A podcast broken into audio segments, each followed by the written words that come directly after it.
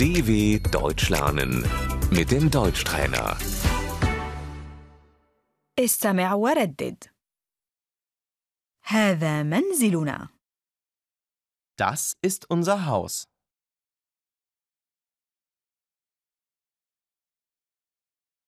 الطابق الأرضي Das Erdgeschoss.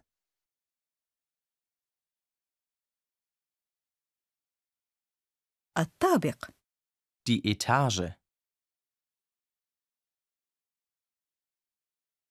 الشقة في الطابق الأول Die Wohnung ist im ersten Stock.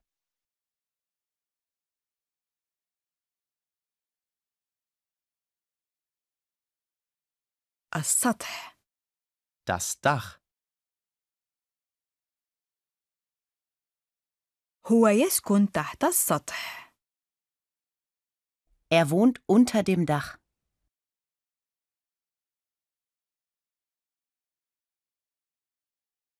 القبو Der Keller.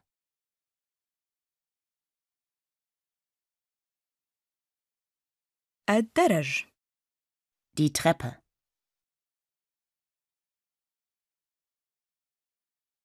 باب المنزل Die Haustür.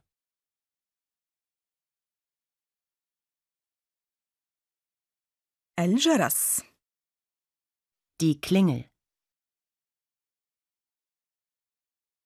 صندوق البريد Der Briefkasten.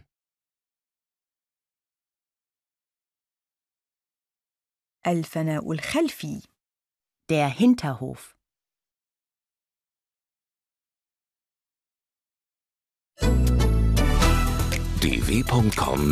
dw.com/deutschtrainer